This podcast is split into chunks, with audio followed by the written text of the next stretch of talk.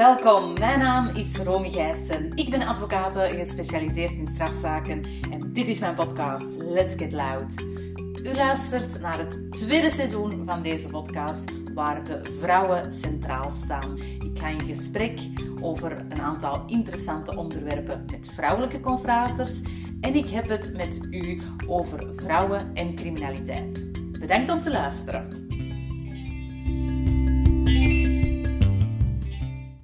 Dankjewel om te luisteren naar deze aflevering. Ik ben ondertussen aanbeland aan het vierde deel van vrouwen en criminaliteit. Het vierde en laatste deel ondertussen. En ik heb het al aangegeven dat ik eigenlijk in deze aflevering dieper wil ingaan op de vrouwen die ongewild, onbewust aan de zijlijn staan van criminaliteit. Ook deze vrouwen mogen eigenlijk niet vergeten worden, want ik denk dan aan een moeder van een zoon of dochter die verhoord dient te worden door de politie. Ik denk aan een vrouw die contact opneemt ehm, omdat haar man gearresteerd is en dient te verschijnen voor een onderzoeksrechter.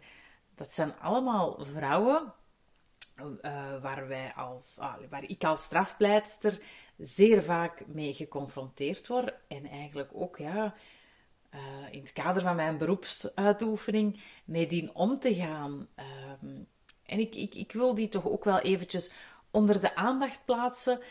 En u als luisteraar er toch ook wel eventjes bewust van maken dat dat toch allemaal niet zo evident is. En dat eigenlijk iedereen dat wel kan overkomen.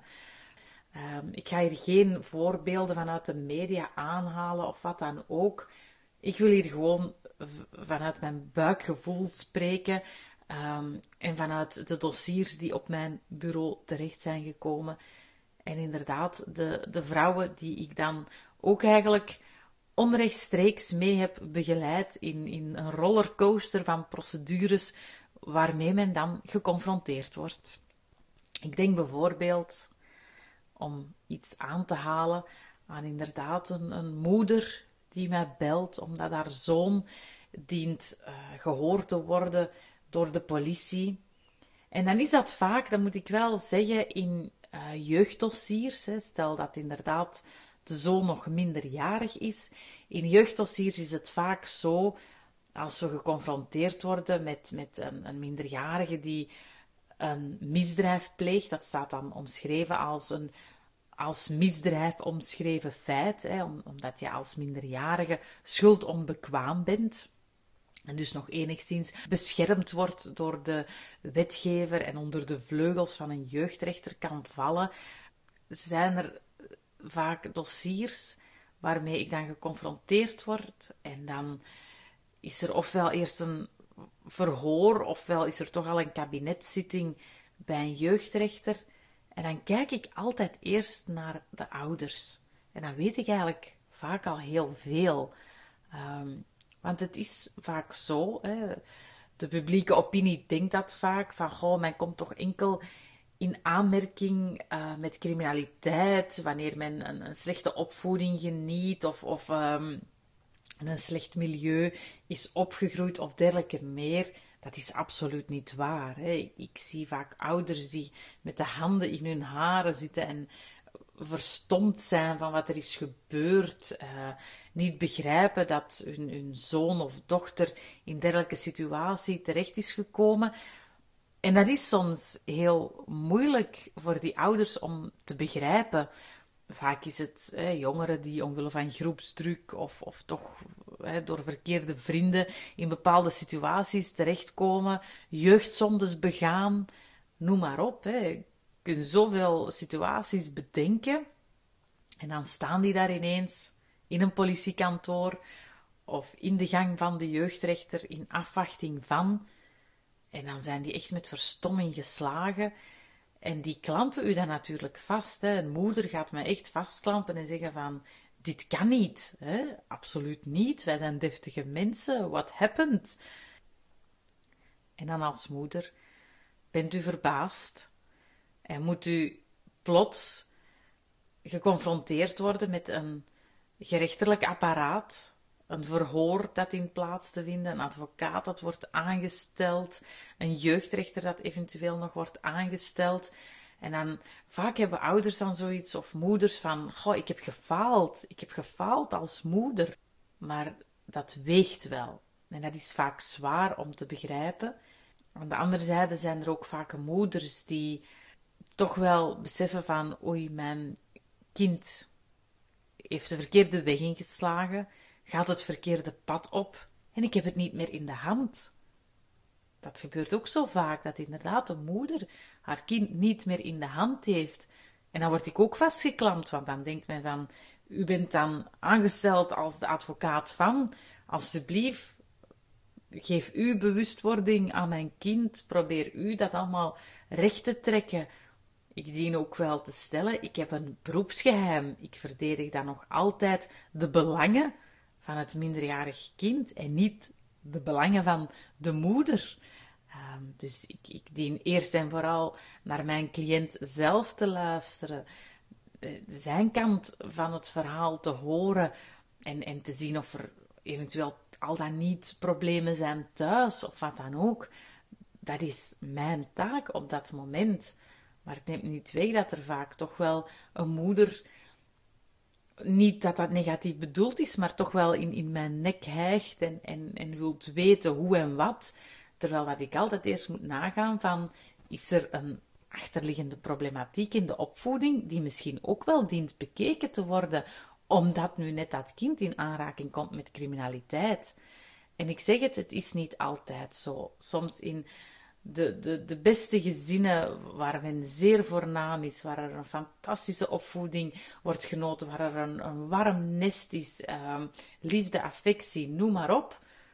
Ook die kinderen kunnen soms wel in aanraking komen met criminaliteit. En dat is vaak echt, echt onbegrijpelijk voor moeders of vaders, uiteraard. Maar ik wil hier toch wel specifiek die vrouwen onder de aandacht plaatsen.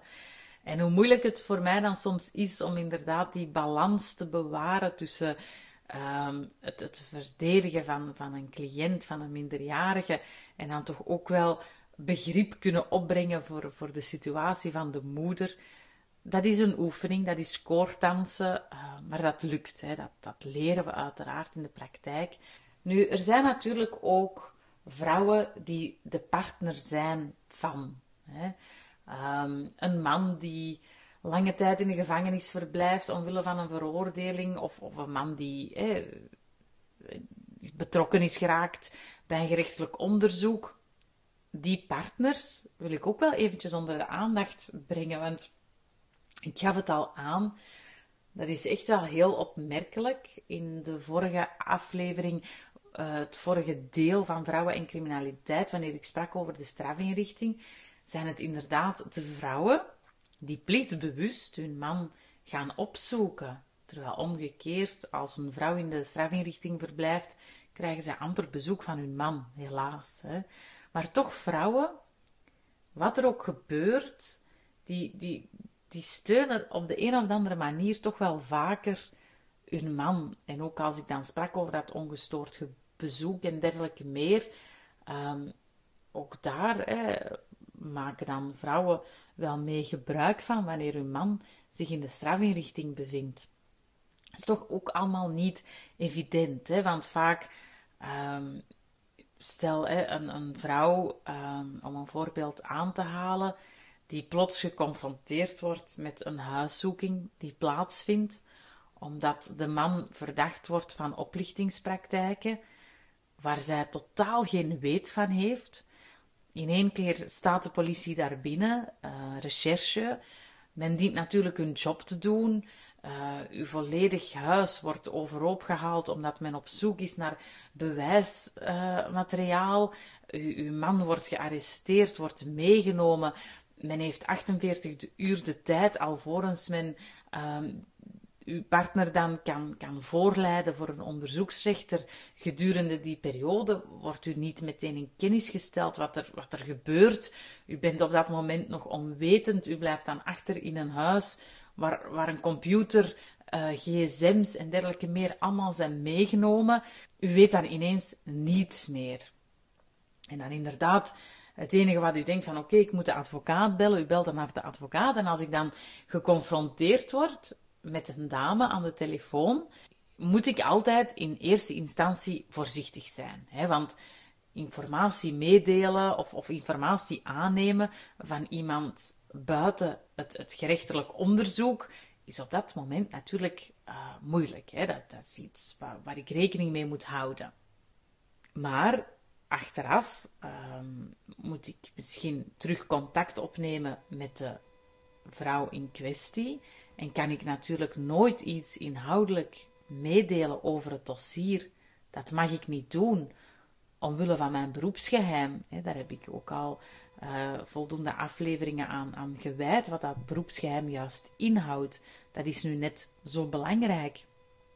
En dan zijn er natuurlijk wel vrouwen die, omwille van heel die tijdspanne die er is geweest, heel die stress die er is geweest, het zo moeilijk vinden dat ik inhoudelijk niets kan meedelen, maar mij dient te beperken tot het procedurele en het praktische. En ik kan inderdaad wel kan zeggen van kijk, uw, uw man is aangehouden, hij zal binnen de vijf dagen verschijnen voor een raadkamer, maar meer kan ik u niet meegeven.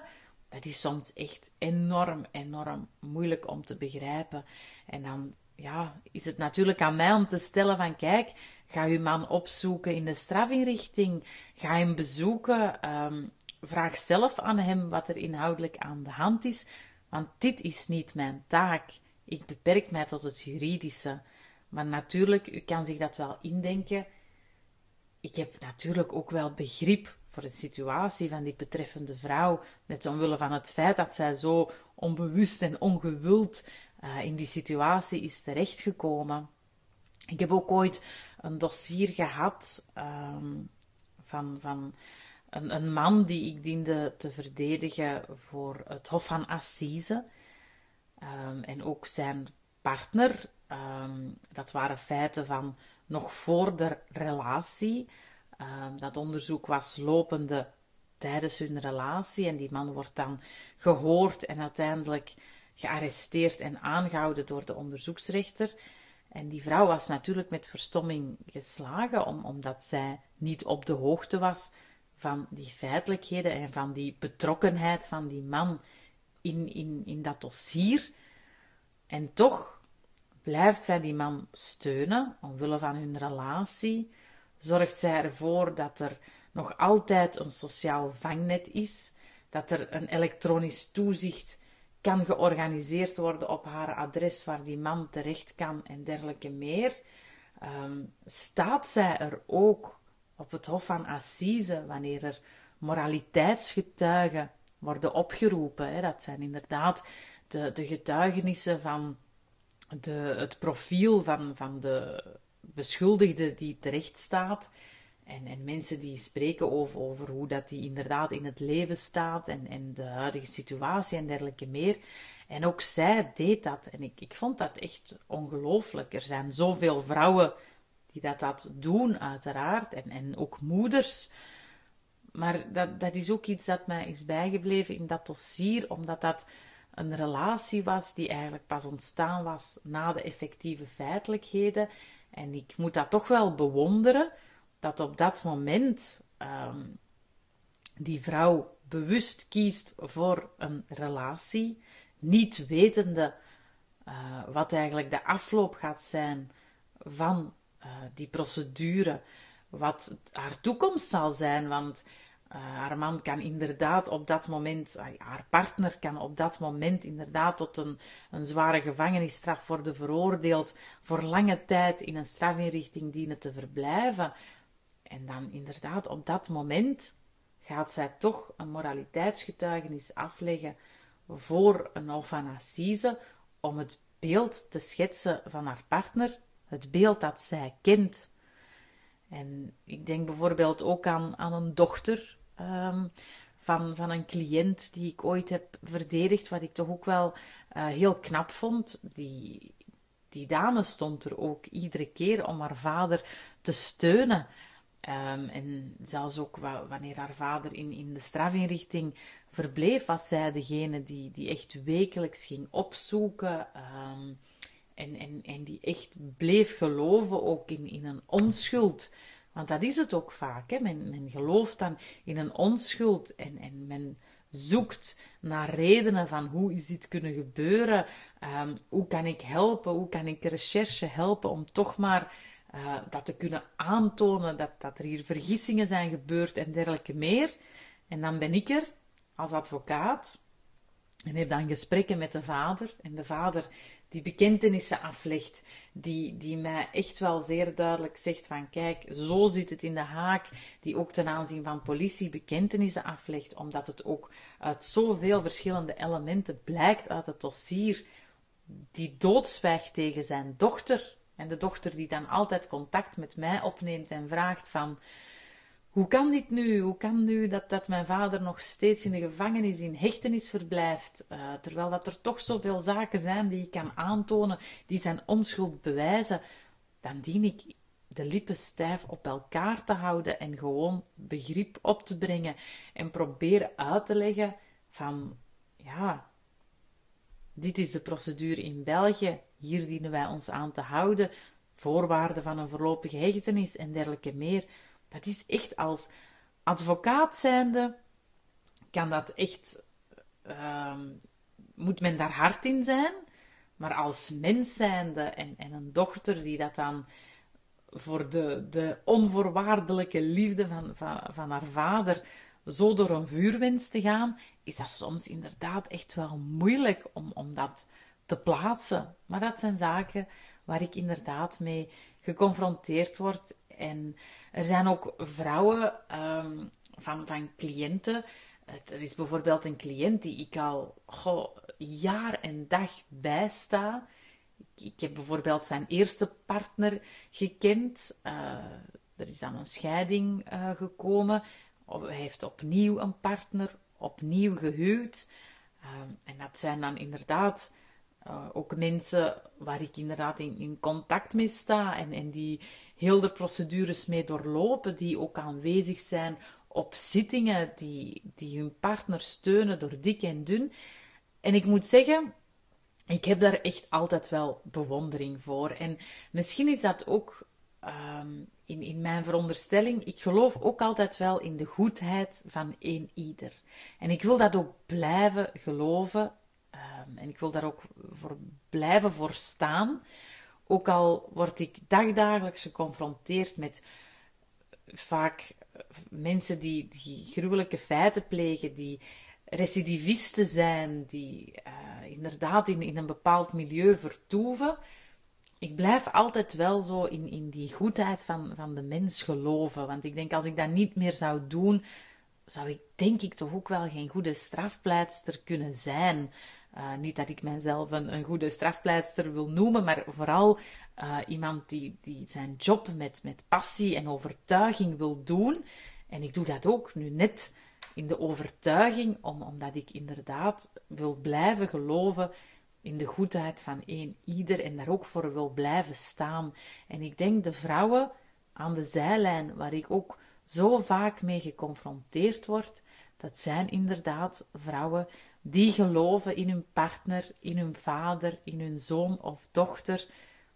En dat is gewoon, ja, um, goed dat dat in, in onze maatschappij, waar al zoveel uh, onrecht plaatsvindt, is dat toch wel goed dat dat nog altijd bestaat. En een, een rechter die uiteindelijk moet oordelen over een dossier, ik heb mij soms wel die vraag gesteld: staan die daar inderdaad bij stil dat er nog een achterban is? Hè? Dat er inderdaad ook een vrouw mee in de zaal zit, um, vol zenuwen en stress, misschien nog meer dan haar man die effectief dient te verschijnen als, als uh, beklaagde.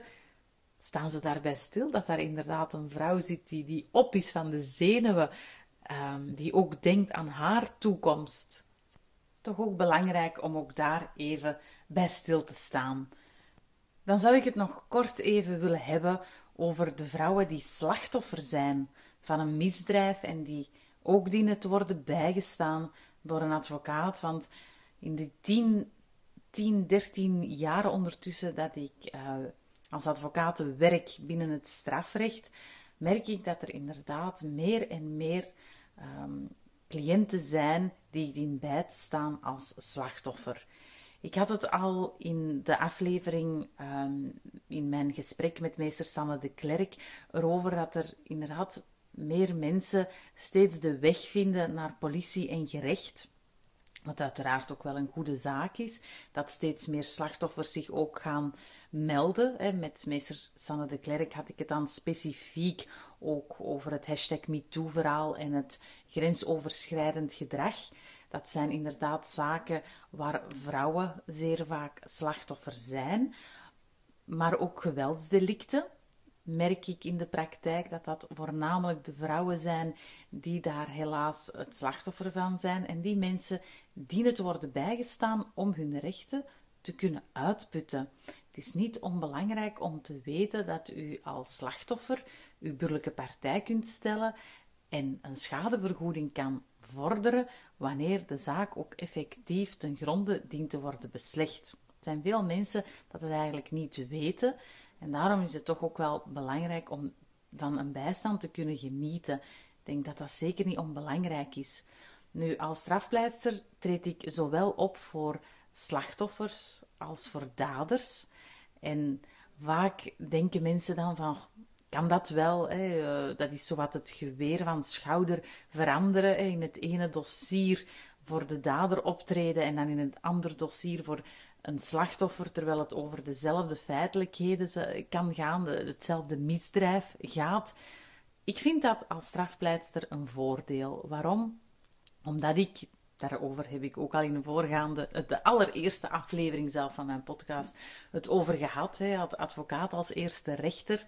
Ik denk als ik zowel slachtoffers als daders kan vertegenwoordigen, dat ik in elk dossier ook altijd wel een beetje advocaat van de duivel kan spelen en, en aan mijn cliënt een duidelijke inschatting kan geven wat mijn tegenpartij dan gaat doen of gaat vorderen of gaat vragen of gaat opwerpen. is toch ook niet onbelangrijk.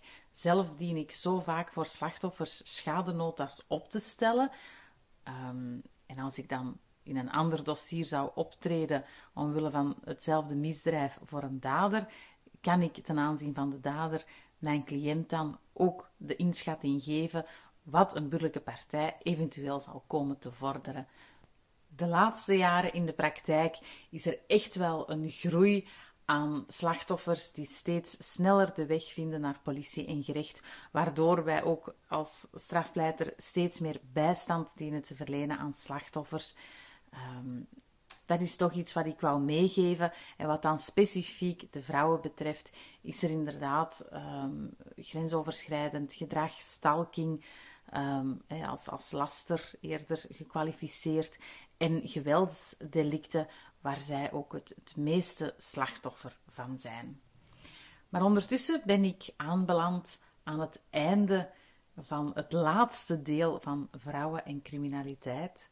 Ik wil u hartelijk bedanken om te luisteren en uw interesse te tonen in deze podcast.